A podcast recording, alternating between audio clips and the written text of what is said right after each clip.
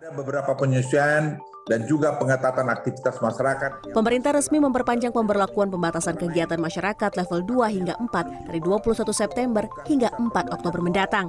Kendati demikian, Menteri Koordinator Kemaritiman dan Investasi Luhut Binsar Panjaitan menjelaskan ada sejumlah perubahan ketentuan dalam perpanjangan PPKM kali ini.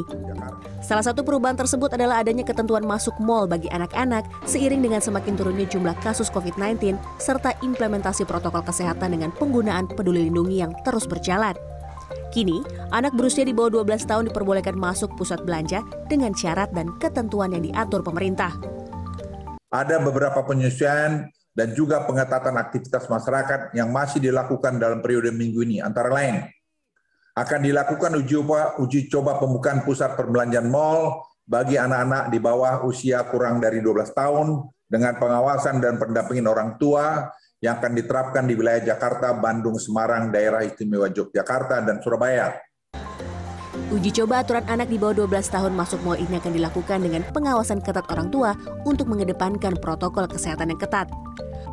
Meski menyambut baik penyesuaian tersebut, Wakil Gubernur DKI Ahmad Riza Patria meminta anak-anak dan warga lansia tetap waspada, terlebih pada masa pelonggaran seperti saat ini yang berpotensi menimbulkan kerumunan. Tadi justru saat-saat sekarang kita harus lebih ketat disiplin diri, yaitu menghindari kerumunan, berada di rumah tempat yang terbaik ya. Sementara itu PPKM di luar Jawa Bali turut diperpanjang hingga dua pekan mendatang mulai 21 September.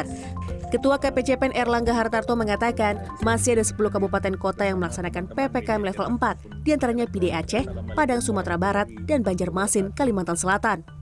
Hal ini terkait dengan aglomerasi, jumlah penduduk, dan jumlah vaksinasi yang masih di bawah 50 persen. Tim Liputan, CNN, Indonesia.